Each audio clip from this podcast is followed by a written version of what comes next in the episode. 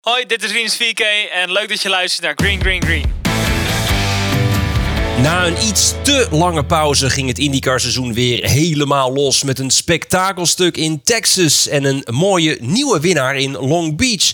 En de volgende twee races staan alweer voor de deur. En er werd er ook al getest voor de Indy 500. Met andere woorden, veel te bespreken. Dit is aflevering 37 van... Green, green, green, green. We're four wide going into turn number one.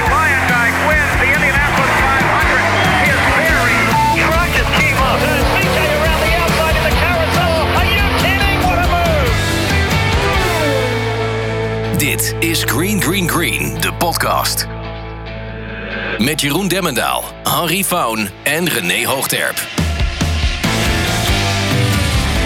Welkom en leuk dat je weer luistert naar de enige echte IndyCar-podcast van Nederland. En zoals gezegd, we hebben lekker veel te bespreken. En dat doe ik natuurlijk gelukkig niet alleen. Links van mij, autosportschrijver en erevoorzitter van de Kyle Kirkwood fanclub, Jeroen Demmendaal.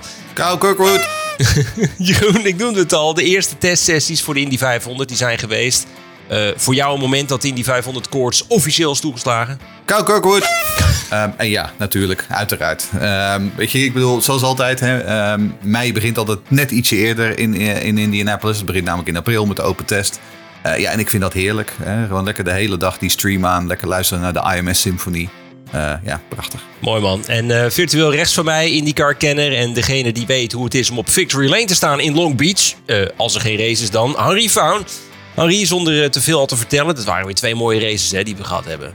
Ja, heerlijk. En vooral Texas, mwah, heerlijk om er een ringetje te halen. Ik heb het daarna meteen ingeschreven voor een cursus beeldhouden. Maar voor wie ik een standbeeld wil maken, dat vertel ik zo. Ja, ik ben benieuwd. Nou, laten we eerst maar eens eventjes terugkijken, of terug luisteren beter gezegd, alvorens we inderdaad ook vooruit gaan blikken. En het was hectisch. Long Beach in zekere zin, maar Texas stelde zeker niet teleur. We gaan ons klaarmaken voor 250 rondes in het hectische Texas. Het is green, green, green. Sato verliest hem. Sato gaat eraf. Sato klopt in de muur. Einde verhaal. Alleen Award en Newgarden in de lead lap. Zit oh zo dicht bij elkaar. Iedereen heeft zijn laatste pitstop gemaakt. En dus zit gewoon een sprint naar de vlag. Maar kijk, 4, 5, dik zelfs. Daar komt Newgarden. Newgarden pakt de leiding over. Ja, Newgarden laat er geen gras over groeien, maar dat doet Award vervolgens ook niet. Award weet dat dit echt voor die overwinning is. Daar komt Palou ook aan. Palou maakt er drie dik van en pakt de leiding. Palou van 3 naar 2 naar 1. Lekker zeg, deze herstart. Spots maken overuren. Oh, daar vond hij contact daar zelfs. Vier dik daar op uh, de backstraight. Grosjean laag bij 3 en aan de leiding. Oh, dat gaan we naar beneden gegooid zeg. Newgarden propt zijn Penske ertussen. Oh, erachter gaat het mis. Twee auto's eraf. Rail eraf en de Francesco eraf. Op de plek waar het vorig jaar ook misging. Met volgens mij ook deze twee mannen. Oh, Ward buitenlangs bij Newgarden. Gaat op de leiding. Nog zes rondes te gaan. En er wordt goed geraced hoor. Nou, je weet het ook. Als er nu een caution komt, zou het zomaar einde verhaal kunnen zijn. Wat een geweldige slotfase zeg. Grosjean klapt hem in de muur. Einde verhaal voor Grosjean. Einde verhaal voor deze wedstrijd. De derde overwinning voor Joseph Newgarden. Hij heeft er heel hard voor moeten knokken. Ronde nummer 3 van het IndyCar kampioenschap op Long Beach. En we zijn onderweg. Green, green, green. Is het de Newgarden die echt goed naar voren komt zetten. Grosjean die gaat natuurlijk zijn, zijn uitduur verkopen. Weet toch wel hoe het in Nashville ging. Maar lijkt erop, vonden wel, dat we goed door die eerste bochtencombinatie zijn gekomen. Nee, niet. Het is Castro Neves. Oh, Dixon eraf. Dixon eraf. Opkomen, achterste rechte stuk. Ja, ja, nee, ja, nee, hij zit er wel tussen. Hij zit er gewoon tussen, volledig. Heeft ook veel meer grip. Oppassen mannen. En ook voor Kirkwood, daar komt Award aan de binnenkant bij Grosjean. Ja, en voorbij. Ja, dan is het hectisch. Oh, 3 dik, maar weet hij er wat te maken? Award! Nee, jongen! Oh, dit was een uh, niet hele bijsterhandige actie van Award. En daar is Paulo ook slachtoffer van. Carl Kirkwood, vanaf zijn allereerste pol rijdt hij naar zijn allereerste IndyCar-overwinning. Let's go, Award! Yeah! Oh my gosh, thank you so much, guys. Amazing job, amazing job. Ja, ja, we hebben weer een nieuwe winnaar in de IndyCar Series in de persoon van... Kirkwood! Maar voordat we daar naartoe gaan, eerst even terug naar Texas. Want mannen, ja, volgens mij hadden we het er al in onze preview over. Eh, het, het, het, het maar afwachten was of het een mooie pot zou worden. Maar dit was wel echt een heel lekker spektakelstuk, hè? Ja, weet je, wie, wie zegt de jaren 2000, vroeger de jaren 2000 en dan tot ongeveer 2008, 2009. Hè, eh, dat waren toch de jaren waarin we echt gewoon hele, hele goede eh, races hadden op Texas. Uh, die ook waarin Scott Dixon die bijna ongenaakbaar was. Dan Weldon vond ik wel een aantal keer. Um, ja, en dit liet zien waarom oval races zo ongelooflijk spectaculair is. We, hebben het, we kennen allemaal het cliché van ja, het gewoon vier keer linksaf. Nou ja, dat is het dus niet. Uh, want ten eerste is het vier keer linksaf bij 220 mijl per uur. Um, ik geef het je te doen. En uh, constant, hè. Je kunt, je kunt op een gegeven moment zag je Grosjean en, of sorry, um, Newgarden en Award naast elkaar. Nou, je kon er net een A4'tje tussen passen, zeg maar het is gewoon echt grote ballenwerk. Uh, grote jongens en grote meisjeswerk. Um, en vooral die laatste 50, 60 ronden. Uh, zoveel positiewisselingen. Uh, twee, drie dik soms door de bochten heen. Het was echt spektakel. Um, en ja, waar dat dan aan lag. Um, nou ja, dat is natuurlijk wel de, de vraag waar we het zo nog over gaan hebben. Maar het mooiste vond ik toch vooral om te zien hoe, um, hoe, hoe, goed ook de, uh, het op de tribunes uh, ontvangen werd. Er zat duidelijk meer volk. Het was overduidelijk zo dat er meer interesse was. Ja, en wie een kaartje kocht, die werd absoluut beloond. Absoluut. En uh, Henri, ik heb begrepen dat jij wat ook wat cijfertjes uh, erbij had gaan kunnen peuteren. Ja, um, nee, ik wilde zo nog even zeggen dat uh, het eigenlijk twee verschillende races in één race. Dat eerst natuurlijk dat Award en Newgarden, en vooral Award, gewoon iedereen snot voor de ogen reden. En iedereen een rondje hadden gezet. Dat is ook oval racen. En ik vind dat, ik geniet er eigenlijk ook wel van als iemand gewoon zo dominant is. Aan het einde had je die laatste 60 ronden, die gewoon, ja, wat, wat het een van de andere ineens was. en, en ja, ik puntje van mijn stoel zat. Um, echt zo'n echt een lekkere ouderwetse oval race. Um, maar ja, dan inderdaad de statistiekjes. Uh, er waren totaal 1070 inhaalacties. Um, dat is een beetje geflatteerd, want dat is inclusief uh, mensen op een ronde zetten. Maar ja, dat is ook al uh, uh, niet al te makkelijk op een oval, zo nu en dan. maar er waren er 439 voor positie, waarvan 169 alleen al in de top 5.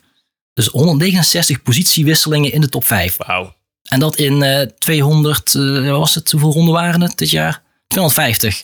Dus nou ja, welk, bijna elke ronde was er wel een positiewisseling. Maar dat was dus ook een heel stuk van de race waar gewoon uh, twee vooruit reden. Ja, dus, en sterker nog, ik denk dus dat inderdaad de laatste honderd rondjes of zo, dat het allemaal heeft plaatsgevonden. Ja, ja. briljant. Geweldig was het. Ja, dan vraag je je toch af, wat maakte het nu dat het dit jaar zo goed was? Uh, want ik heb het idee dat het niet echt om één ding specifiek ging. Nee, ik zou zeggen dat het vooral een combinatie van factoren was. Um, kijk, een hele belangrijke is natuurlijk dat die, die NASCAR-prut, uh, die PJ1, uh, dat is er nu na een paar jaar, nadat ze dat ook niet echt meer hebben bijgesmeerd, zeg maar, dat is nu wel echt verdwenen.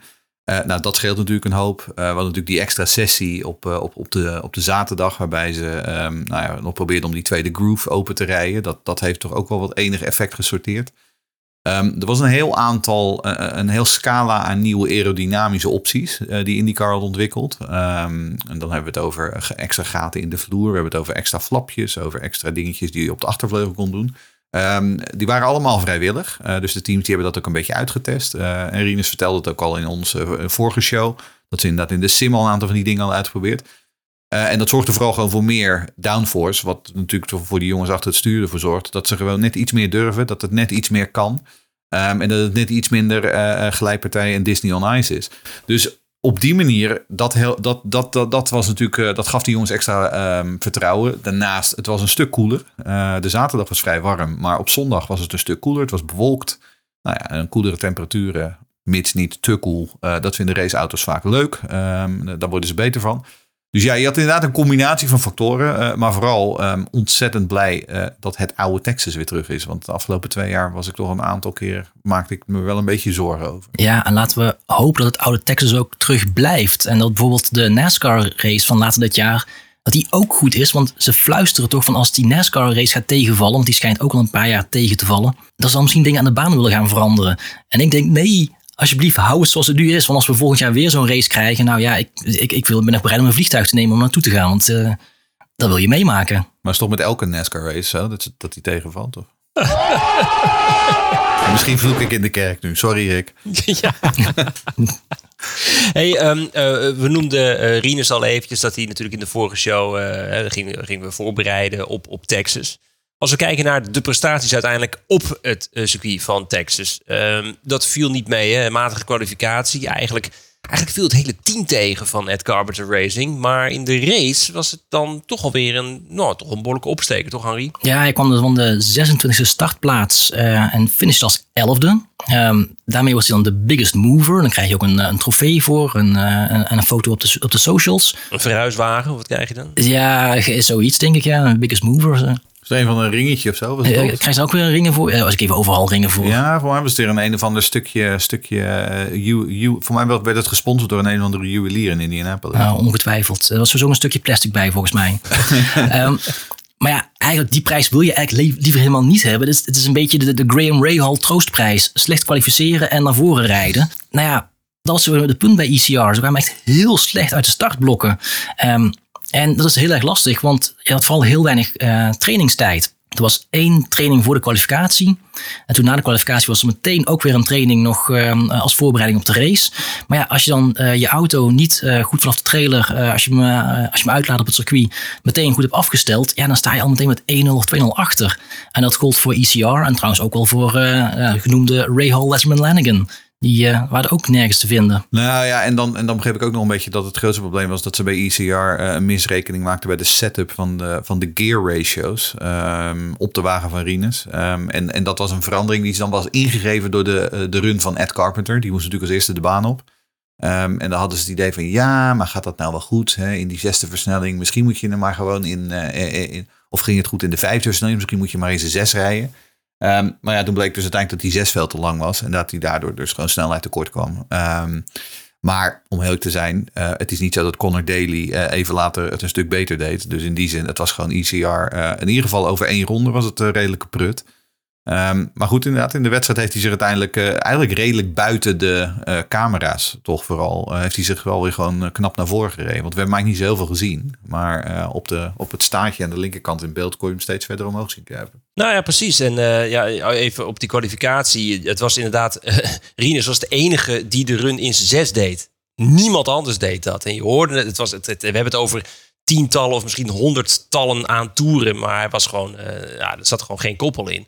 Uh, dat was zuur. Maar ik, ik klinkt misschien gek, maar ik vond, hè, als we het over zijn race hebben, ik vond het misschien wel een van zijn betere races uh, van Rinus dus uit zijn carrière. Ondanks dat hij dus weinig in beeld was, had op zoveel manieren. als je ziet, uh, in St. Piet ging het natuurlijk niet, niet, niet lekker, omdat hij misschien te gretig was. Heeft hij misschien daar al van geleerd? Van nou gewoon rustig blijven en gewoon stap voor stap naar voren kunnen komen. Hij had hem op elke andere manier had hij hem gewoon in de muur kunnen hangen. Omdat hij misschien wist dat hij een betere raceauto had. En dat gebeurde niet. Dus in die zin vond ik het wel echt een, een hele degelijke race. Hoewel hij daar zelf misschien anders over zou denken. Omdat hij natuurlijk meer zou willen. Maar goed, um, dat is dat. Uh, Award had, uh, was weer tweede. Had er weer de pleuris in. Uh, is in die zin wel een goed teken, toch, Jeroen? Ja, dat is een goed teken. Uh, kijk, eerlijk is eerlijk. Uh, twee keer tweede in de eerste twee races. Ik denk dat Rinus vier keer ervoor zou tekenen. Um, ik denk dat het vooral laat zien, vooral als je kijkt naar, de, naar het tempo, wat er eerder in de race in die McLaren zat, is dat Aaron McLaren komt eraan. Hè? Ik, al moet ik wel zeggen dat tegelijkertijd, als je dan kijkt naar Rossi, die lijkt gewoon weer zo'n seizoen te hebben waarbij alles wat maar fout kan gaan, dat gaat ook fout. Want die had natuurlijk die fijne aanrijding met Kyle Kirkwood in de pitstraat. En Felix, ja, dit, dit is wel een beetje. Felix maakt dan weer zo'n fout dat hij hem dan toch net weer even uh, iets te ver uh, buiten, de, buiten de groove komt. Dan hangt hij weer in de muur. En dan denk ik, ja, Felix, daar moet je nu toch echt een keer mee op gaan houden. Want op deze manier uh, behoud jij je stoeltje bij Aaron McLaren niet. Zelfs niet als ze naar vier auto's gaan. Maar het is, dat was gewoon zonde. Um, ik bedoel, dat je ook daar. Er zat zoveel snelheid in bij Felix. Um, en uiteindelijk kan hij toch weer niet, hè, zoals zijn vriendje Pato altijd zegt, executen. Um, het, het, gewoon weer niet. En dat is gewoon zonde. Maar dat het tempo in die McLaren zit en dat dat team alsmaar sterker gaat worden dit seizoen, daar ben ik absoluut van overtuigd. En nog iemand, iemand anders eruit te pikken. Ik was uh, vooral heel erg onder de indruk van Agustin Canapino. Ja. Hij werd uh, net zoals in St. Piet twaalfde.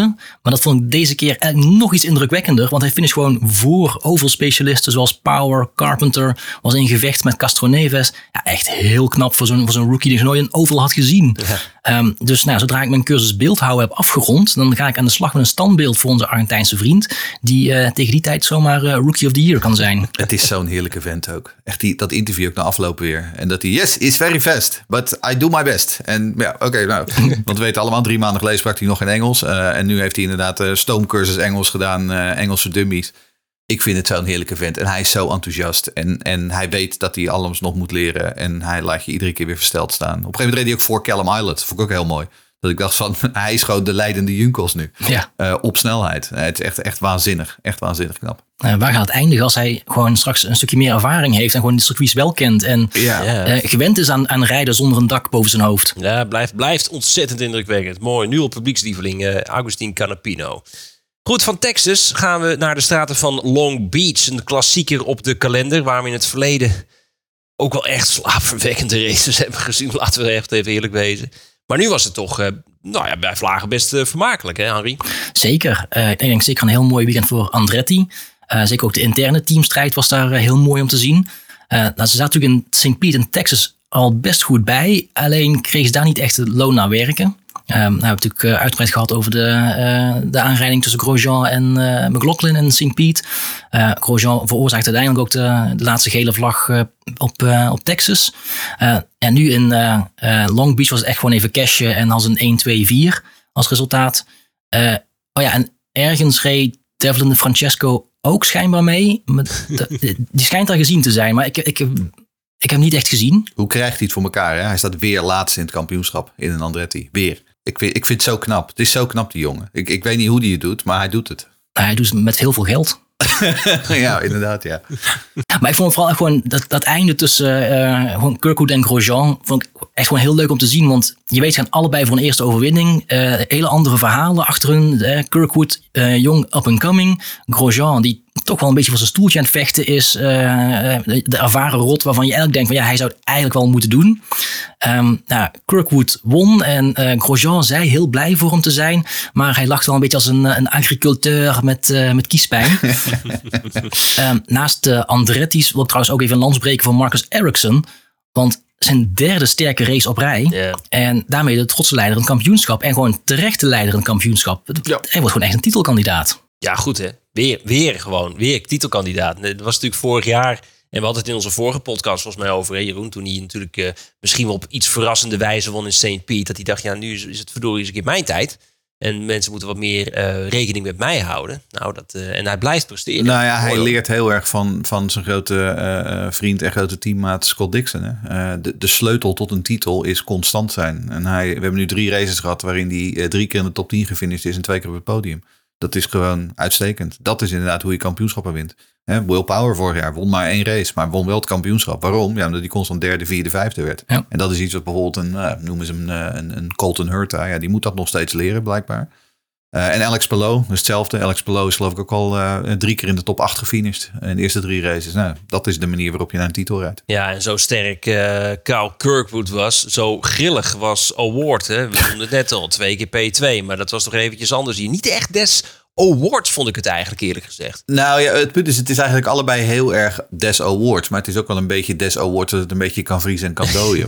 maar het was al even geleden, vond ik. Dat, dat vooral. Ja, maar die gewaagde actie op, de, op Dixon, die manier waarop hij hem inhaalt. Kijk, ik bedoel, uiteindelijk hebben onze, onze, onze vrienden in de steward room, waaronder Arie Luijendijk, hebben besloten dat het een racing incident was. Uiteindelijk denk ik dat ik het daarmee eens ben. Maar we gaan het er volgens mij zo ook nog even over hebben.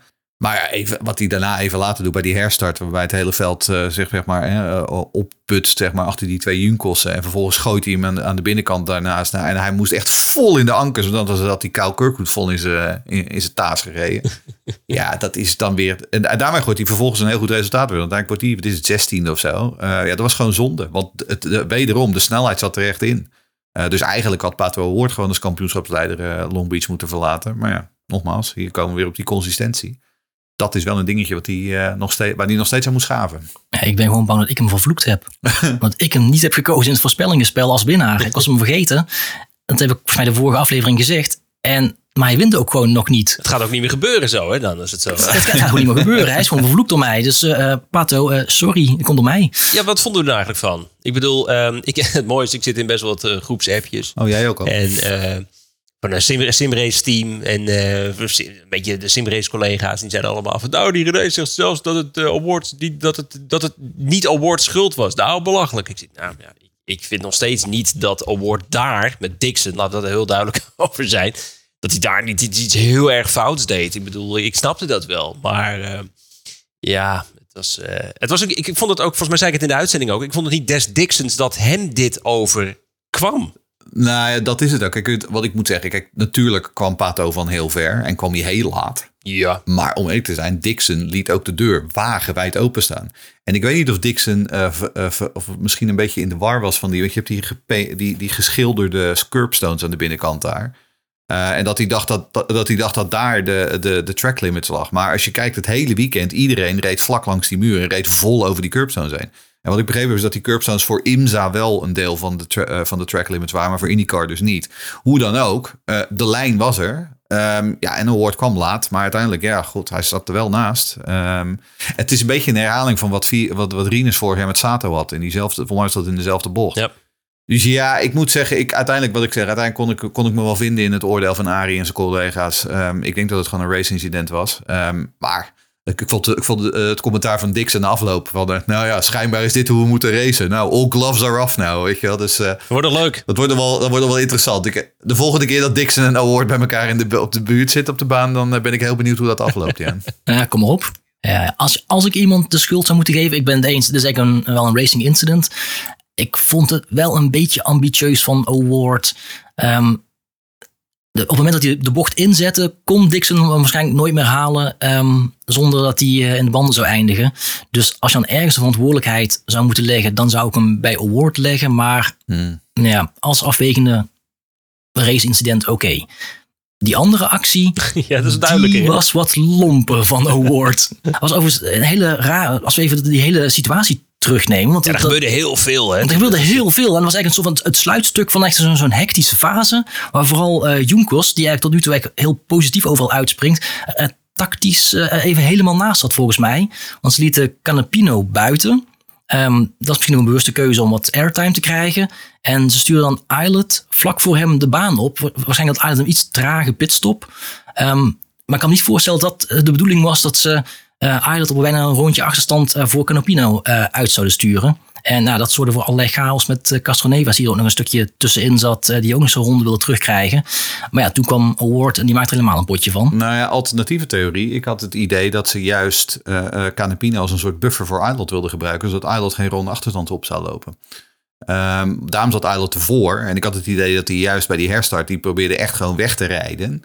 Um, het enige probleem is natuurlijk dat Canapino vervolgens bij het ingaan van turn 4, uh, nee, sorry, bij 5, die raakte de binnenkant van de muur. En daarom viel die stil. En, dan, en daardoor opeens klapte alles en iedereen erachterop, inderdaad. Mm. Dus, uh, want ik geloof Kirkwood hier ook bijna bij, uh, bij me naar binnen. Die moest, die, moest er, die moest er rechts omheen. Dus het was toch gewoon totale chaos. Maar ja, dan moet je voor mij, vooral als award zijn, dan moet je gewoon even je hoofd gebruiken. In plaats van inderdaad als zo'n dolderieste, nou, wild boar geloof ik, noemen ze Rinus bij ECR. Um, de, de, de, dat moet je gewoon even niet doen. Uh, want, dat, want zo kwam die ook wel een beetje over. Nee, dat was, uh, dat was duidelijk. En nou ja, we hebben het toch over Ed Carpenter Racing dan nu. Um, als we daar dan maar naar gaan kijken. Ja, Long Beach wil nooit echt lekker werken bij Ed Carpenter Racing de afgelopen jaren. Nee, nee, het was echt voor allebei een uh, hele matige kwalificatie. Uh, Daly was zelfs de, de hekkensluiter.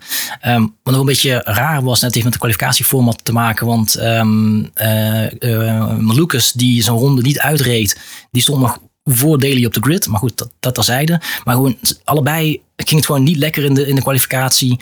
Um, in, in de race leek nog wel enigszins te gaan bij Rinus. Ja, totdat zijn, uh, dat hij weer technische problemen kreeg. Uh, Jeroen, had jij nog wat meer informatie over, geloof ik, toch? Ja, die brandstofpomp op die, op die Chevy, uh, die, die gaf schijnbaar weer de geest. Um, en en hij, wat je zag op een gegeven moment, dat hij op een gegeven moment, hij verloor opeens vier plekken in één ronde. Um, en na, na, na afloop bleek inderdaad dat ze hem vertelde, basically, basically, je moet stoppen, je moet naar binnen komen, want anders gaat de hele motor naar de galamiezen.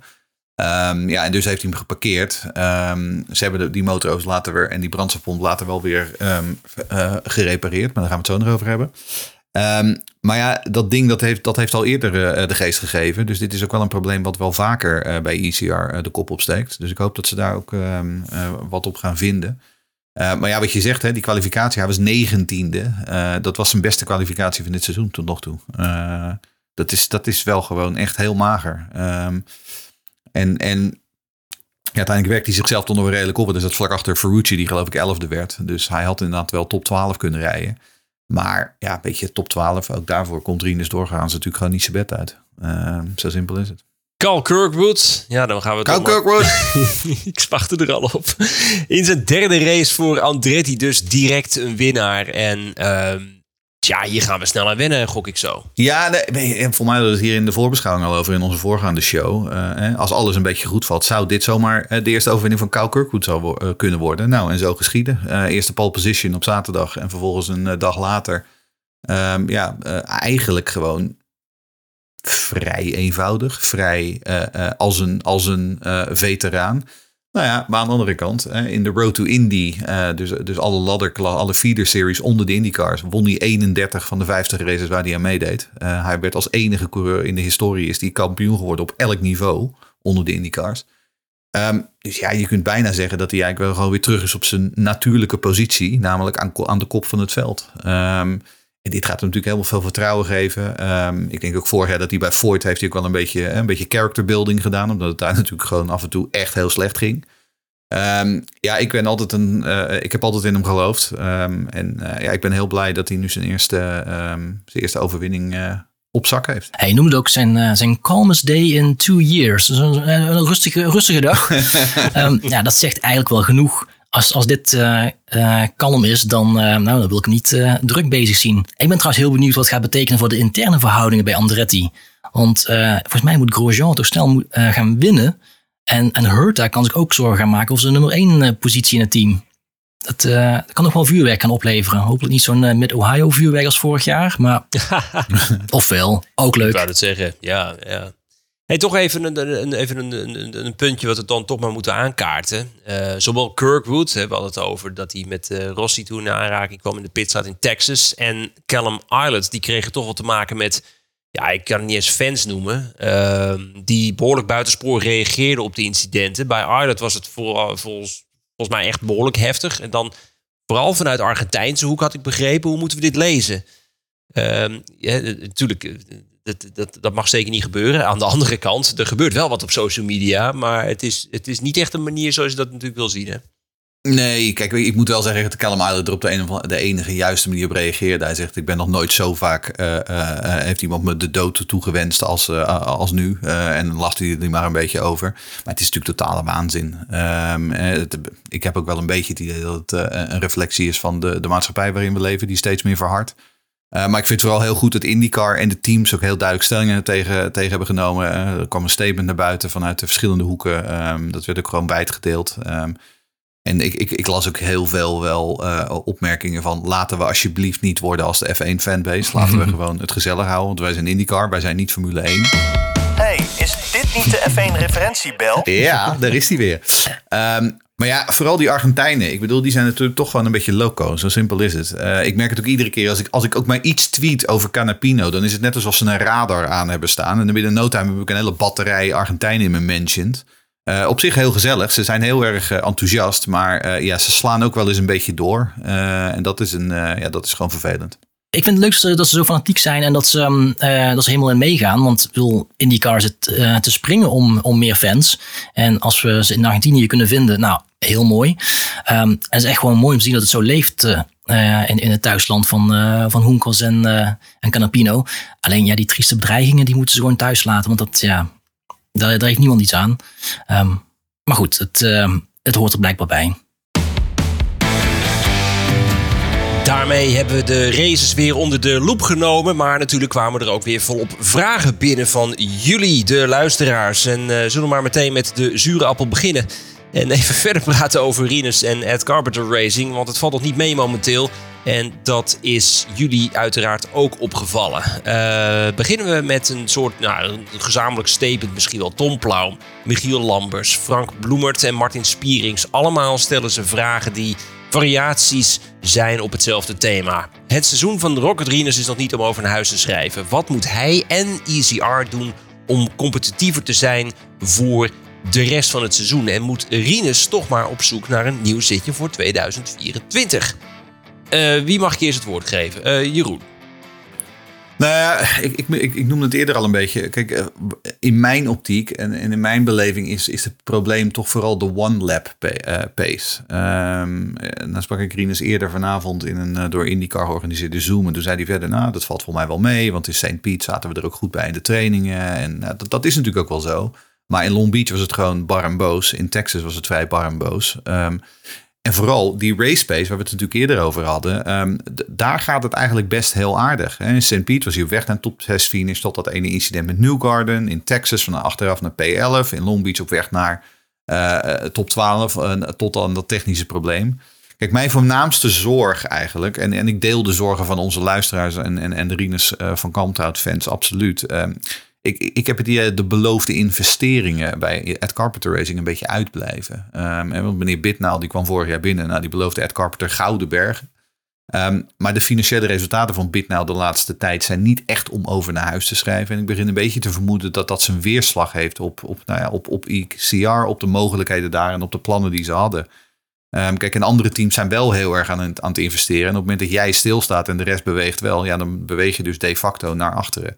En dat is een beetje waar ik me zorgen over maak. Um, ja, aan de andere kant heb ik ook wel sommige dingen zijn ook gewoon bij ICR nog steeds een beetje amateuristisch, slechte planning. Um, ik, eh, dat gedoe met die, met die gear races in Texas. Uh, die constante disconnect tussen de sim en wat er dan werkelijk op de baan gebeurt. Ik snap ook niet hoe ze dat nog steeds niet opgelost hebben.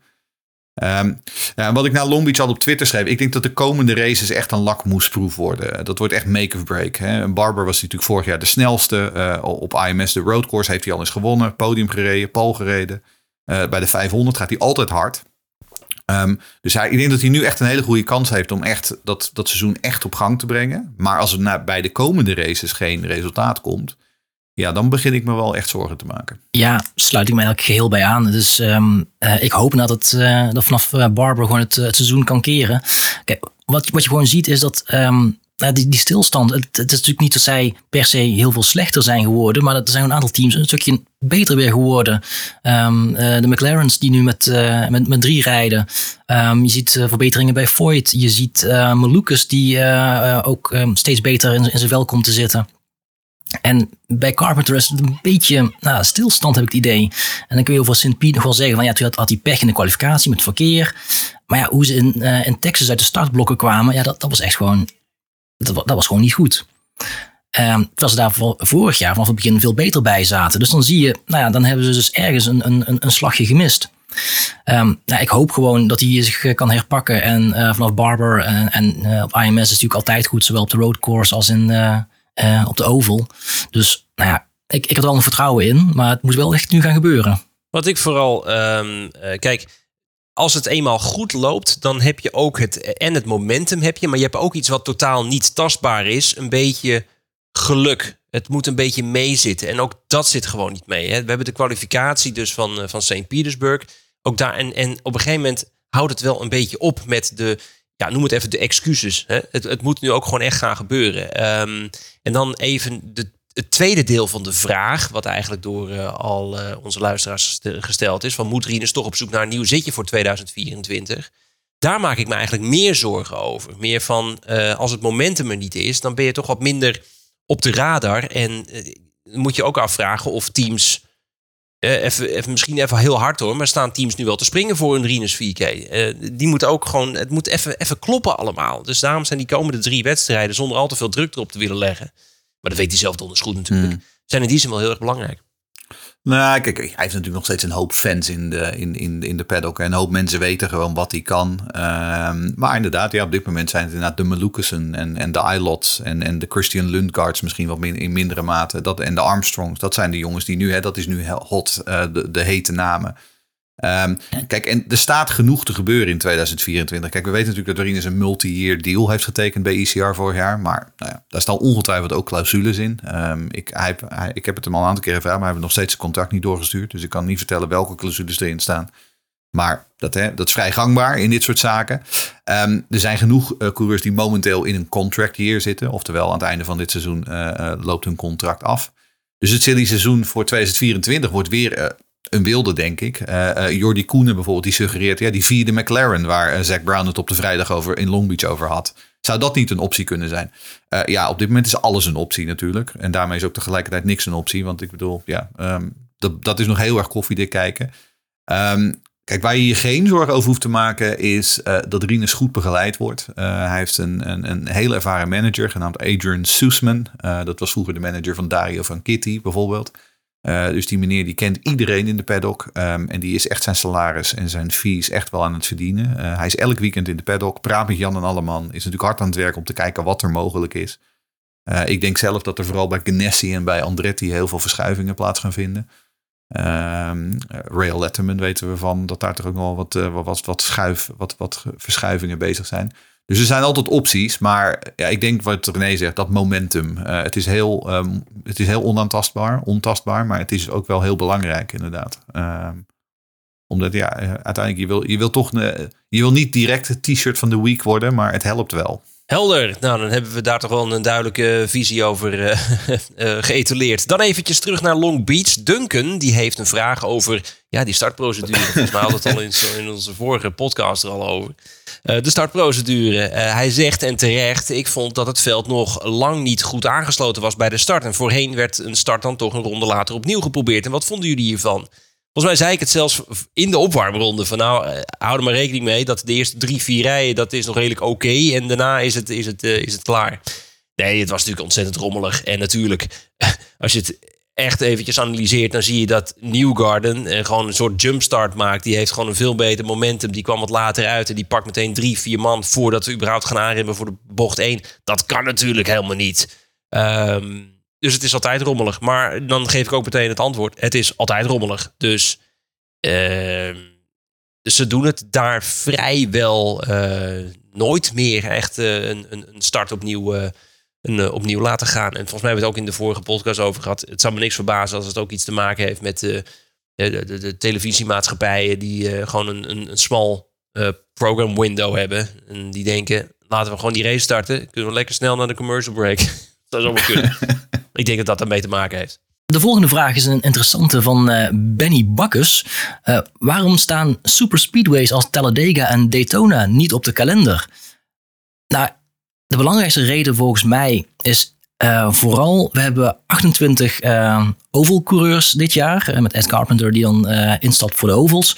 Um, en die willen we eigenlijk gewoon op zondagavond gewoon een één stuk en levend en wel ook gewoon weer terug bij hun gezinnen kunnen afleveren. Ik denk dat de snelheden op Daytona en Talladega met, uh, met die steile banking gewoon te hoog zouden worden. En ook gewoon de G-krachten uh, ondraaglijk zouden worden. Ik, ik, denk dat het gewoon veel te gevaarlijk zou zijn. Uh, ik, ik heb even de archieven opgezocht. In de jaren 50 is er wel eens met IndyCars gereden op Daytona. dat leidde meteen tot dodelijke ongelukken. daarna hebben ze het ook niet meer gedaan. En in 1980 was er ooit wel een IndyCar race gepland in Talladega. En daar voorspelden ze toen ook al dat destijds uh, de gemiddelde snelheid 20 mijl hoger zou zijn dan Indianapolis. Dus ik weet niet hoe het dan nu zou zijn. Dus ik denk gewoon dat het gewoon überhaupt veel te gevaarlijk is. Dat is enerzijds de verklaring. Aan de andere kant, uh, die circuits zijn ook allemaal eigendom van NASCAR. En uh, NASCAR doet dan ook af en toe wel wat moeilijk over de welke circuits ze wel en niet andere raceklassen op, op toelaten. Uh, even, uh, of nou uh, Talladega of Daytona of andere super speedways zouden moeten zijn. Ja, er mogen sowieso wel meer super speedways op de kalender. bijvoorbeeld een Pocono of een Michigan of een Kentucky. Die zouden wat mij betreft wel, wel, wel terug mogen komen. Maar volgens mij roepen wij dat en roept iedereen dat. Het grootste probleem is vaak dat die oval races te weinig publiek trekken in Amerika. Daar hebben ze bij NASCAR ook al een beetje last van, om een paar races na. maar IndyCar heeft er heel grote last van. En dat is natuurlijk money talks en bullshit walks. Um, er moeten ook mensen komen opdagen bij die races. Nou, ik denk vooral dat die banking gewoon heel belangrijk is. Op Texas is die ongeveer 20 graden. op zowel Talladega als Daytona is die boven de 30 graden. En en nou ja, ik bedoel, je, moet, als je er ooit eens in de buurt bent, um, loop eens tegen die banking op. Dat is ontzettend uh, stijl. Uh, dus ja, wat, wat, je, wat Henry zegt, die, vooral die G-krachten. Dat is, we hebben natuurlijk in het verleden wel eens gezien op Texas dat als het te hard gaat, dat, gewoon, uh, die, bank, dat die G-krachten te veel worden. Nou, kun je nagaan hoe dat dan op Talladega of op, of op Daytona zou zijn. Nou ja, als het boven de 30 graden wordt, is het gewoon te heet. Goed, we hebben, de, we hebben uh, laten we dan maar eventjes doorpakken over de strijd tussen NASCAR en IndyCar. Want het is een uh, goede vraag door Jordi Koenen. Die vraagt zich af, waar maakt IndyCar het zichzelf eigenlijk altijd zo lastig? Meermaals dit seizoen gaan ze weer recht tegenover de NASCAR Cup staan. Dan hebben we het dus vooral wanneer de, de race is en dus uitgezonden wordt. In het begin van het seizoen is het nog niet zo vreemd. Met NASCAR bij Fox. Kennelijk wordt aan het begin van het seizoen bij Fox uitgezonden. Ik heb geen idee. Maar waarom kiest NBC ervoor om alsnog tegelijkertijd te blijven racen? Ja, ik vind dat heel, heel gek. Um, kijk, we hebben nu in uh, Long Beach hebben we het gehad. En in Texas hebben we het nu volgens mij... Ja, we hebben twee keer achter elkaar gehad. Dat we en MotoGP en NASCAR en IndyCar tegelijkertijd hadden. Dat is... Uh, als we dan namens Ziggo Sport hebben, is dat al een uitdaging. Hè? Uh, maar eh, in Amerika, dan denk je toch helemaal van dat is toch helemaal niet handig. En MotoGP reed um, het eerste weekend in Argentinië en het laatste weekend reden ze ook in Amerika op Kota. Dus, dus de, ook de Amerikaanse auto- en motorsportfans denken ook, ja, ik kan ook maar naar één ding tegelijkertijd kijken. Dat echt, ik vind het heel vreemd. Ik vind het echt heel vreemd en uh, zeker niet handig. Ik heb er verder geen verklaring voor, want het is, het is op alle manieren niet handig. Het, het, zal ongetwijfeld wel iets te maken hebben met date equity en wat dan voor de lokale fans het beste uitkomt. Um, dat soort zaken. Uh, ik, ja, anders weet ik het ook niet. Ik, ik, vind het niet handig van, uh, van NBC. Inderdaad, ze hebben de tweede helft van het seizoen die ze in Amerika uitzenden. En ze zenden alle IndyCar races uit. Dat ze dat niet een beetje op elkaar kunnen afstemmen. Maar ja, ik kan me ook voorstellen dat ze um, met circuit-eigenaren afspraken moeten maken van ja, hoe laat kun je die race dan precies laten rijden? En wanneer heb je überhaupt op al je zenders plek om iets uit te zenden. Um, want als je op zondagavond, uh, weet ik veel, uh, de Masked Singer wil uitzenden, ik geen idee of dat bij NBC is, en dan ga je daar geen, uh, geen IndyCar race uitzenden, denk ik. En uw Scrabble word voor vanavond is date equity. ja, moet ik date equity nog even uitleggen? Dat is dus dat je elk jaar op hetzelfde, in hetzelfde weekend um, de, de race hebt. Bijvoorbeeld, um, nou, de Indy 500 is altijd de laatste zondag van mei. En zodat je ook weet, als je dan naar zo'n race toeleeft, dat je uh, in dat weekend daar tijd voor moet gaan reserveren. Maar in Amerika hecht ze daar heel erg aan dat je altijd kunt weten van oké, laatste weekend van mei is in die 500. Zoveelste weekend van uh, februari is Daytona. En ja, daar zit dan ook alweer aan vast. Helder. er is nog een andere vraag binnengekomen van Remco Hadders, Henry. Uh, Remco uh, vraagt zich af, uh, na de demonstratie in Long Beach, zou Andretti dit jaar eindelijk weer eens de titel kunnen pakken? De snelheid lijkt er wel in te zitten, al zijn de resultaten nou op Long Beach dus na nog wel uitgebleven. Um, dat is dus de, vraag van Remco. En ja, eigenlijk dat laatste is het inderdaad. kunnen ze die snelheid gewoon consequent gaan vertalen naar resultaten? Zo ja, dan kunnen ze meedoen om de titel. Maar ja, als je nu kijkt, op dit moment staat Kirkwood als beste Andretti uh, op een vijfde plek in het, in het kampioenschap. 36 punten achter Ericsson. Dus al bijna een hele racewinst. Um, Grosjean en Hurta staan 7 en 8 Natuurlijk allemaal niet onoverkomelijk. Maar ze kunnen zich nauwelijks nog een misstap veroorloven. Als ze nog één of twee keer uitvallen, ja, dan kun je al niet meer meedoen om de titel.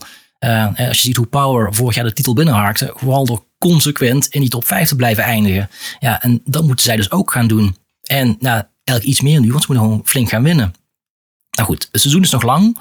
Um, en ze hebben zich laten zien uh, uh, in alle races. En ja, wat gewoon heel erg mooi vind, is je hebt gewoon elke race vier teams die kunnen meestrijden om de overwinning. Uh, en Andretti lijkt wat dat betreft wel helemaal terug. Ik ben vooral benieuwd wat ze de komende races kunnen gaan doen op de, op de permanent road courses. Ja, nou, want vooral dat weten we nog niet inderdaad, omdat we die tot nog toe nog niet gehad hebben. Um, de volgende vraag is van Albert van Moerik. En dat is ook een boeiende. Uh, hij zegt: Ik zag bij Connor Daly rechtsvoor een dame het wiel wisselen. Zijn er nog meer actieve dames in de cruise? En is er gewichtsverschil tussen een Indy en een F1 wiel? Um, het gewichtsverschil, uh, die zoeken we even op, Henri. Uh, dat laat ik aan jou. um, maar wat betreft die pitcrews, ja, daarbij inderdaad, de vrouwen uh, zijn inderdaad vrij zeldzaam. Um, Joseph Newgarden heeft er eentje. dat is denk ik de meest herkenbaar. Caitlin Brown. Ehm, maar we zien best wel veel vrouwen eh, aan de engineering kant. Zoals je op de pitmuur gaat kijken, ehm, dan zie je er echt best wel veel. Ehm, paar prominente voorbeelden zijn bijvoorbeeld Angela Ashmore. die werkt voor Ganassi en is de race engineer van Marcus Ericsson. Daniel Shepard is de performance engineer bij Ganassi voor Alex Palou. Um, Pato Ward heeft bij Arrow McLaren Kate Guntlag. Um, zij is geloof ik ook een performance engineer. De voornaamste engineer van, een van de voornaamste engineers van Honda Performance Development, Nicole Rotondo. Um, en dan, um, die, die mevrouw zou je nog wel eens gezien kunnen hebben in een van de clipjes uh, van IndyCar. Um, als ze over de banden praten. Want dat is Kara Kristolic, die vroeger Kara Adams heette, maar sindsdien getrouwd is. Uh, en die is uh, gewoon hoofd IndyCar banden bij Firestone. en is ook een hele slimme mevrouw. Dus ja, de dames in de paddock, ze zijn er wel degelijk. En ze houden niet alleen botjes omhoog en ze zijn niet alleen mooi. Er zijn ook echt heel veel engineers. Ik denk, uh, terwijl Henri druk uh, Wikipedia aan het afstruinen is. Ik denk eerlijk gezegd dat een Formule 1 wiel nu wellicht zwaarder zou kunnen zijn in potentie. Omdat ze een inchmaat uh, of drie inchmaten groter zijn dan, ja, dan dat een, zou ik een IndyCar wiel.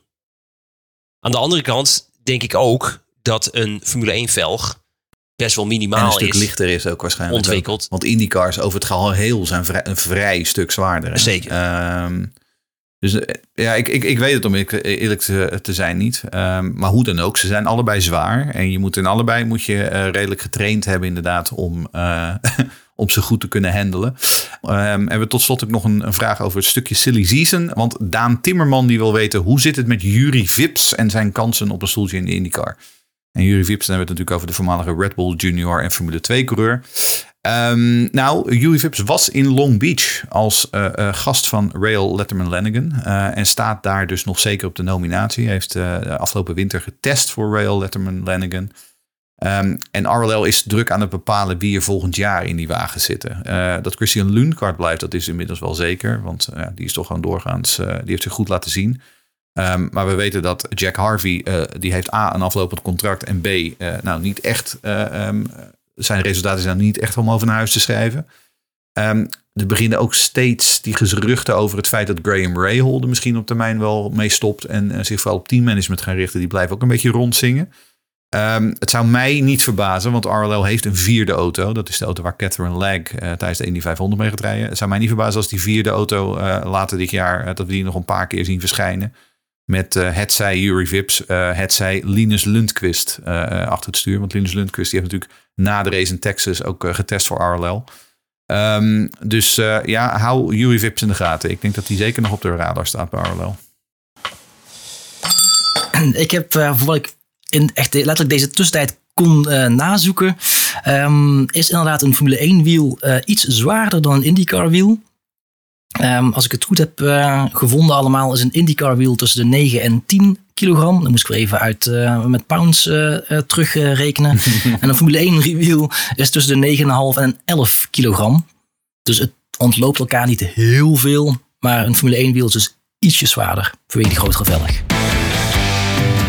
Goed, mooi, weten we dat ook weer. afgelopen week was het zover, de aftrap van de meimaand in april. Oftewel de eerste officiële testdagen voor de 107e editie van de Indy 500. Twee dagen testen, althans, dat was de bedoeling. Maar dat liep toch eventjes anders, Jeroen. Uh, ja, nee, uh, inderdaad. Um, we gingen inderdaad testen op donderdag en vrijdag. Althans, dat was het plan. Um, maar toen keek er iemand naar het Twitter-account van de IndyCar Weatherman. En die dacht van, hmm, dit wordt lastig. Uh, en dus hebben ze inderdaad uh, het schema op die donderdag extra lang gemaakt. Ze zijn geloof ik tot half zeven s'avonds lokale tijd zijn ze door blijven rijden. Um, en dat was omdat het op vrijdag gewoon klenste. echt oud-Hollands um, zomerweer, zeg maar. dus nee, het was, de hele vrijdag is helemaal verregend. maar we hebben inderdaad vervolgens natuurlijk op de donderdag wel echt flink veel, veel actie op de baan gezien. Het begon natuurlijk met een nou, anderhalf uur gewoon een, re, een, refresher voor alleen de, de, de, vet, de, veteranen, zoals dat dan heet. Ja, en daar hoort dan inmiddels ook iemand als David Malukas bij, omdat hij het al een keer eerder gedaan heeft. Um, daarna kreeg je zeg maar een blokje voor uh, de rookies en dan wat ze dan noemen de refreshers. Dus bijvoorbeeld iemand als Catherine Leg, die heeft, die heeft ooit wel, eens een IndyCar gereden, maar dat is inmiddels al tien jaar geleden. Ehm, dus die, en, en als je inderdaad als je een parttimer bent, dan zit je ook niet in die, in, die, ehm, in die eerste groep. Um, dus we hebben inderdaad dat gehad. En daarna inderdaad het grote blok. eigenlijk gewoon het gros van de middag was alles en iedereen tegelijkertijd. 33 auto's. Um, ja, ik wou bijna zeggen 34. Maar die 34ste die was er nog niet. Um, maar die komt er wel. Hé René? Ja, die komt er inderdaad. Ja, want die hadden we dus nog niet behandeld. Want we gaan redelijk onverwacht toch weer bumpen. Want we hebben dus een, een ja, toch wel een last minute 34ste inschrijving, uh, Harry. Ja, het werd al een beetje gefluisterd hier en daar. Van, we kunnen nog wel naar een 34ste. Er werd zelfs nog een 35ste uh, inschrijving. Ben nog wel gezegd die lijkt er toch niet meer te gaan komen. Maar 34 wonen ze er sowieso. Um, en die 34e is Able Motorsports. Uh, die de stap naar IndyCars gaan maken. Um, mensen die de Road to Indy, of hoe het dan tegenwoordig mag heten, uh, volgen. Uh, de, Able is een team uit de Indy Next. Waar ze rijden met ene Jacob Able. Uh, dat is niet helemaal toevallig dat ze allebei Able heten, want het is gewoon een team van een familie, net zoals de familie Malukas een team heeft uh, opgericht. Uh, maar het is niet Jacob die zijn debuut gaat maken. Uh, ze schrijven in met R.C. Enerson. En misschien kun je je R.C. nog herinneren toen hij zich in 2021 voor de Indy 500 probeerde te kwalificeren. Met het team met de, ja, een van de meest briljante namen uit de geschiedenis van IndyCar, Top Gun Racing. Dat lukte toen niet. Hij reed toen wel later dat jaar nog de Indy Road Course voor het team. Uh, en ook reed hij totaal tussen 2016 en 2021 vijf races. Uh, onder andere voor uh, Coin en Carlin. Uh, maar nu gaat hij dus met Abel onderweg. waarom dan de keuze voor Enerson? Nou, de familie Enerson is de eigenaar van het chassis waarmee Abel zich inschrijft. Dus dat is aan de ene kant een hele mooie kans voor RC om zich toch te proberen te kwalificeren voor de race. En voor Abel is het een mooie gelegenheid om alvast te ruiken aan het grote werk. Voordat ze echt een gooi gaan doen met, met hun zoon Jacob. Um, dus eigenlijk is het zo een win-win voor iedereen. Dus dat hoop je dan. Want ja, de vraag die iedereen zich stelt: will they be able to qualify? Uh, uh, ja, eerlijk is eerlijk. Het, het, zal een klein wonder zijn als het lukt. Ze waren dus niet bij de open test. Uh, missen daardoor gewoon waardevolle tijd op de baan. En andere teams zijn natuurlijk al maanden bezig met, met de voorbereidingen. Je moet je voorstellen, zo'n uh, zo'n 500 auto, die wordt gewoon niet voor de andere races gebruikt door de meeste teams. Er zijn niet de auto's die in Texas hebben gereden. Die laten ze gewoon apart staan. Die wordt, worden de hele, hele winter worden die gemasseerd. Er worden alle, alle hoekjes, kiertjes, gaatjes worden, worden helemaal glad geschuurd. Weet ik wat allemaal. Zijn echt maanden bezig met de voorbereiding. Ja, en Abel moet nu dus gewoon alles nog gaan opstarten. Dus dat is een hele pittige klus. Uh, maar ja, wel bumpen. Dus ze zullen zeker iets toe gaan voegen aan de show. En ze zullen gewoon een verhaallijn zijn. En dat, dat is het ook gewoon al iets voor hun waard, uh, de aandacht. Dus uh, nou, ik, uh, ik ben blij met ze. We gaan zien wat ze, wat ze gaan brengen. Ik, ik was je een beetje kwijt nadat je iets zei over Abel en onderweg. Dan denk ik meteen aan een van de eind jaren 90 nummer. Oh, heerlijk. Oh, ik dacht, ik kom er mee weg. Ik kom er mee weg. Ik doe de deur dicht.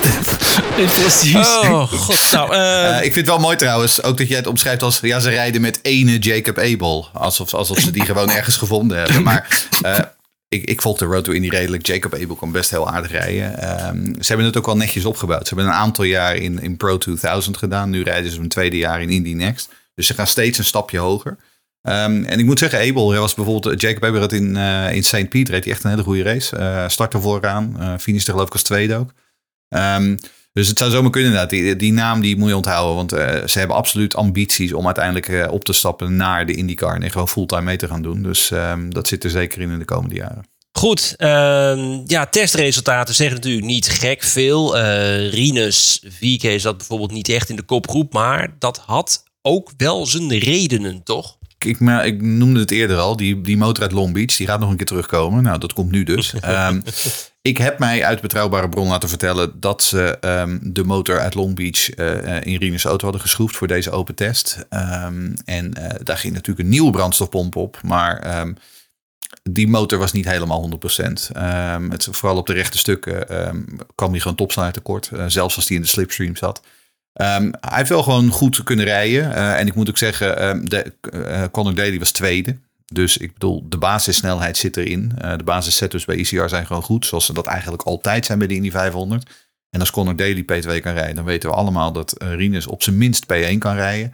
Dus ik maak me geen zorgen. Ik denk dat ECR er gewoon wel lekker bij zit. Ook Ed Carpenter liet zich eigenlijk best wel goed zien. Ehm, maar ja, het, het, het vertekent een beetje. Want Rinus was uiteindelijk geloof ik 22 of 23 op de eindlijst. Nou ja, dat is ja, dat, daar, daar, nogmaals, daarvoor kom je je bed niet uit. Maar uh, maak je geen zorgen. Ehm, die, uh, die, die ECR's die, die komen er vanzelf.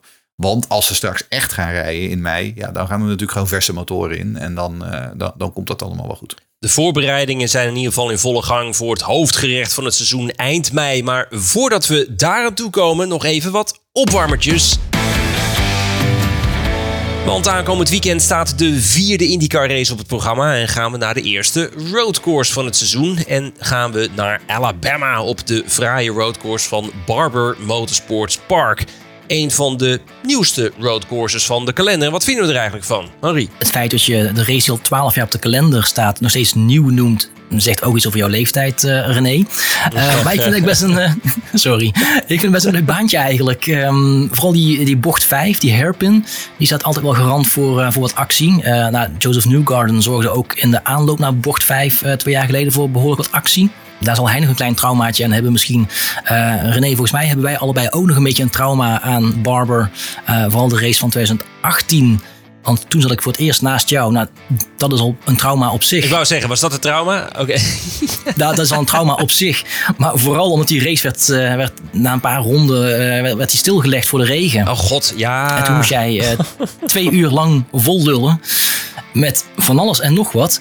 Um, en werd de race na twee uur niks doen alsnog naar maandag verplaatst. Terwijl wij zaten op de, op de radar te kijken van, dit kan niet, het blijft regenen. Waar, waarom, waarom kappen ze niet af? Waarom, waarom zeggen ze gewoon stop? Um, nou goed, uh, uiteindelijk was het natuurlijk wel historische tv dat James Hinchcliffe uh, vertelde dat hij net in zijn auto had geplast. Caution, it me was one of the least comfortable experiences of my entire life. But I can officially say I've joined the likes of Will Power and Dario Franchitti and other greats that have peed themselves in their suit. So you're talking to a man that just wet himself. dat was die race, ja. Oh, ja. Dat was die race, ja. um, en als we het dan toch over, over beeld houden en, en kunst hebben, um, let ook vooral op, bij Barber even bij de, uh, op de mooie kunstwerken langs de baan. Of, maar mooi, af en toe ook vooral, vooral bizar. Die spin die valt natuurlijk heel erg op en die ziet wel heel erg vet uit, uh, zo'n metalen spin. Maar er is ook één brug en die valt mij altijd op, want er hangt gewoon een vrouw onder de brug. Dat wil zeggen, een beeld van een vrouw die onder die brug hangt. Dus ergens tussen die herpen van vijf en nou, is dan bocht uh, 7, 8 of zo, uh, die, die chicane en die doordraaier. Daar ergens. Let er even op. Ja. En ze hangt er al jaren. Ja. Maar die, die, die man, uh, de eigenaar, George Barber, die, uh, dat is een, een hele rijke meneer. Die heeft die baan aan laten leggen. Um, eigenlijk uit het niet. Um, en heeft daar vervolgens inderdaad allemaal kunstwerken naast gezet. En hij wilde bewust ook het, zeg maar, zowel de natuur, dus een soort van park creëren, maar daar dan ook, zeg maar, raceauto's doorheen laten rijden. En daar geloof ik ook nog een museum naast ergens, met een hele grote collectie mm. met uh, klassieke uh, auto's. Dus motoren Het is een excentrieke man. Ja. ja, motoren ook inderdaad, ja. ja uh, dus meneer George Barber, dat is de eigenaar. Um, ja, die, het, is een, het is een bijzondere man, maar hij heeft toch uiteindelijk toch wel, denk ik, een hele mooie baan gegeven. Want ik vind Barber wel echt een mooie baan. En het is eigenlijk een, een motorcircuit. Daar is het voor ontwikkeld ook. En uh, toen ze de eerste keer naar uh, Barber gingen, was ook het verhaal van, uh, wordt het überhaupt wel een, een, een goede race? Um, het is een baan voor, voor motorfietsen. kun je dan met auto's rijden? Maar nou, ik denk dat een paar, mooie races hebben gezien. Nou ja, vorig jaar natuurlijk. Hè. Vorig jaar natuurlijk was het hoogtepunt in ieder geval voor onze Hollanders. omdat Rinus er gewoon pole position reed. en vervolgens, ja, als het niet voor die vermalendijde pitlimiter was, dan had hij hem ook gewoon gewonnen.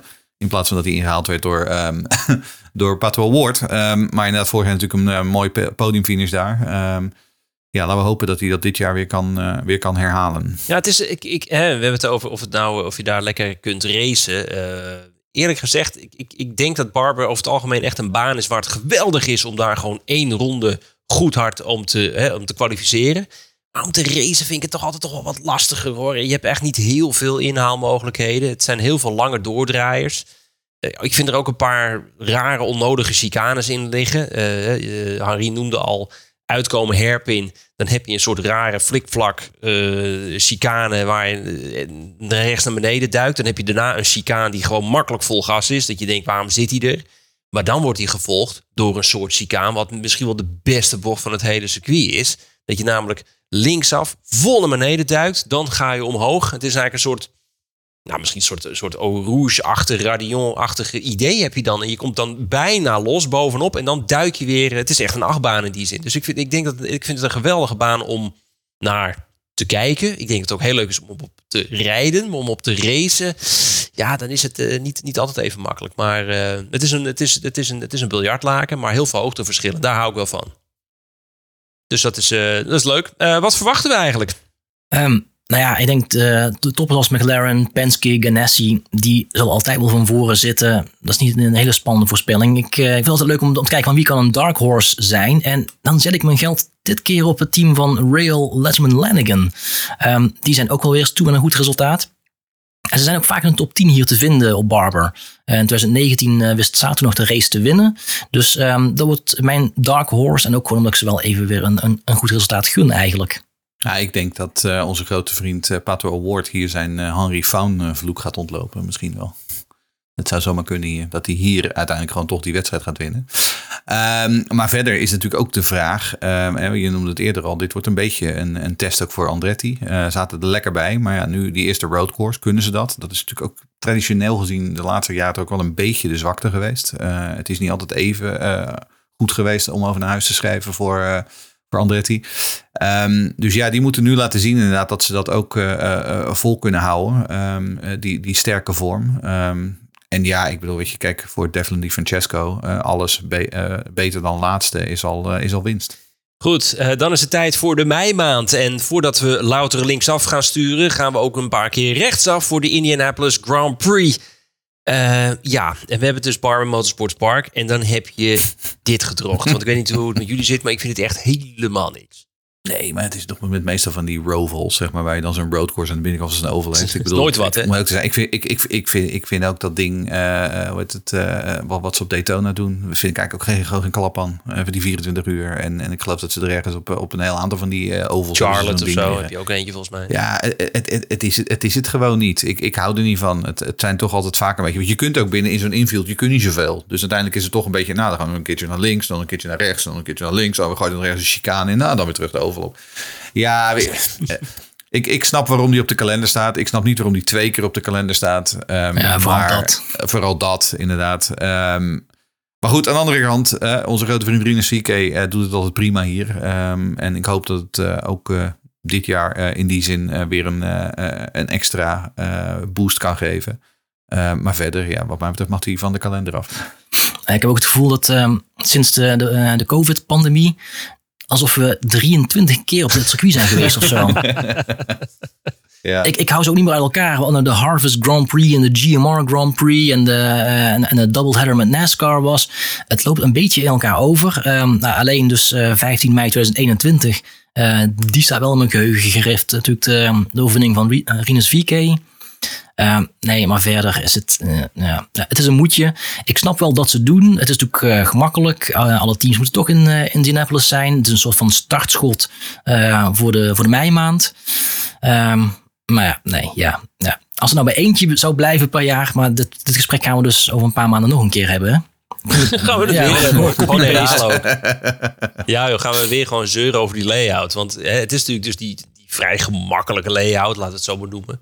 En het, het wordt in die zin het meest vergeleken als een Europees circuit. En dat vind ik eigenlijk een soort steek onder water. Dat je denkt, oh ja, dus het is, het is een bout layout, dus het is een Europees circuit. Maar goed, het zorgt er wel voor dat het veld heel erg dicht op elkaar zit. Uh, zien we in de kwalificatie natuurlijk uh, ook. Uh, zijn, het, is, het is gewoon heel makkelijk sturen. Dus het is, uh, maar dan zijn de verschillen dus ook klein.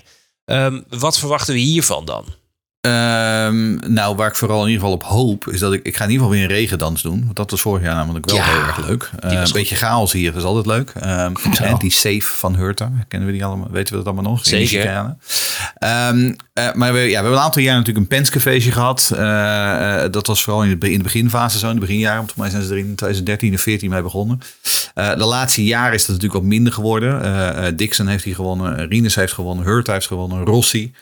Um, maar ja, um, ik, ik, denk dat Newgarden zit op dit moment ook wel echt uh, in, een, in een vrij sterke vorm. Um, het zou mij niet verbazen als die uh, hier gewoon weer wint. Uh, om heel te zijn, Scott McLaughlin valt me nog een beetje tegen dit seizoen. die mag ook wel weer eens aan een, aan, een, aan een overwinning. Ja, ik heb dus McLaughlin als kampioen voorspeld. Dus hij mag voor mij eigenlijk wel eens een keer gaan winnen. Want anders dan, zie ik het er helemaal niet meer van komen. En nou ja, met een Penske, ja, moet op zich wel lukken, denk ik. Dus nee, ik, ik, ik hoop, nou hoop. Ja, nou ja, goed. Mijn voorspellingsspel moet uitkomen. Ik hoop op McLaughlin. Nou, precies. En dus, nou laten we dan maar meteen gaan naar het voorspellingenspel. Want, uh, en dan gaan we eventjes eerst terugblikken natuurlijk. Want Henri, hoe doen de luisteraars het voor wat betreft het voorspellingenspel? Even terug naar Texas. Wat was daar dan de vraag? Um, de stelling daar was negen coureurs of meer rijden minimaal één ronde aan de leiding. Uh, jullie zeiden allebei niet waar. En het publiek en ik zeiden waar. Ja. Nou, uiteindelijk reden de volgende coureurs aan de leiding. Newgarden, Award, Palou, Dixon, Hurta, Grosjean, Rosenquist en Stingray Rob. Jawel. En wie heeft meegeteld? Dat waren dus acht. Yes! Ja, Kijk. ik wil zeggen, ik, heb, ik, ik zat tijdens de race al te turven en toen dacht ik, ga, acht. En toen ik het spel aan het maken was, dacht ik van, zou ik 8 of 9 doen? 8 of 9, 8 of 9. Ah, weet je, doe gewoon 9. Oh, wat goed zeg. Hey, en voor uh, Long Beach, um, hebben we überhaupt al duidelijkheid wat nu de essentie of wat nu de omschrijving van een opstopping was? Want volgens mij was dat de stelling. Ja, precies. De stelling was: er vindt geen opstopping plaats in de hairpin. um, nou ja, of nou, wat nou precies een opstopping is, of niet, dat doet er eigenlijk helemaal niet toe. Want het hele veld kwam gewoon elke ronde probleemloos door de laatste bocht. Um, dus de stelling was waar. En alleen jij, René, had dat goed. Ach. Dus geen gezeur over wat nou wel of geen opstopping is. Nou, dat is eh, ontzettend fijn. Ja, nou, zeker fijn. Want ja, dus allebei de stellingen goed deze, uh, deze twee races. En dat levert jou zomaar 100 punten op. Uh, want het is plus 50 voor elke goeie, uh, goed voorspelde uh, stelling en uh, min 25 voor een foute. dus voor Jeroen is het plus 50, min 25 is plus 25. en het publiek en ik gaan allebei kopje onder in de haven van Long Beach met min 50 punten. Snel door naar het volgende item. YouTube kijktip. Nou, dan doen we dat. En zoals gebruikelijk sluiten we af met de YouTube kijktip. De komende weken krijg je al genoeg IndyCar voor de kiezen. Maar ik kan me voorstellen dat je, zeker met de meimaand in aantocht, je nooit genoeg in die car kunt hebben. Dus wat moet je gezien hebben de komende weken? Henry, het is jouw beurt. Ja, we gaan dus naar uh, twee circuits uh, die je toch wel kunt omschrijven als biljartlakens. Die uh, gewoon alles mooi netjes aangeharkt hebben. Dus daar wil ik even iets tegenover zetten. En ook gewoon aantonen dat zelfs als het circuit qua layout misschien niet heel spannend lijkt, dat je toch hele leuke races kan hebben. En daarvoor gaan we naar Cleveland.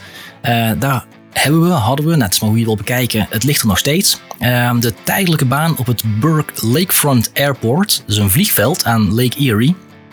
Uh, de IndyCar uh, en later Kart en uh, Champ Car reed daar tussen 1982 en 2007. En dat was dus echt letterlijk over de start- en landingsbanen. Er waren een paar bochten, volgens mij uh, tien als je, uh, als je ruimhartig bent, uh, negen als je mm, iets realistischer bent.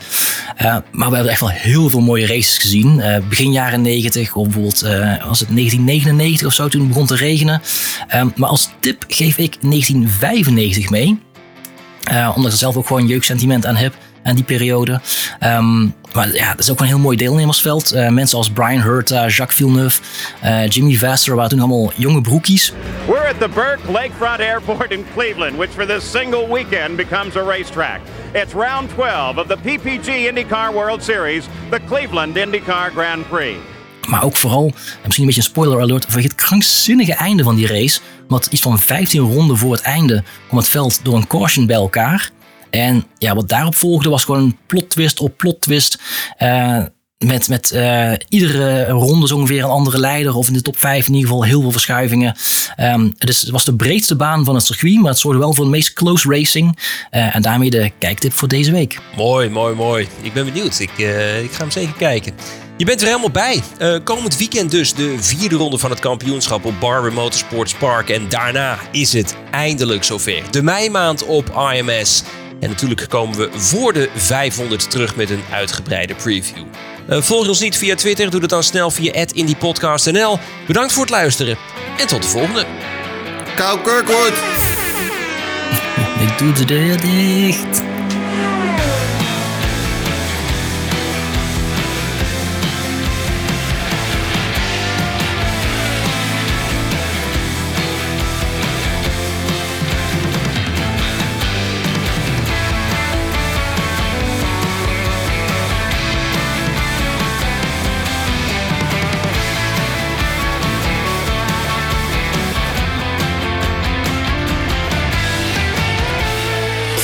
Laatste IndyCar nieuws van Green Green Green op Twitter via @indypodcastnl en abonneer je op Green Green Green via je favoriete podcastplatform.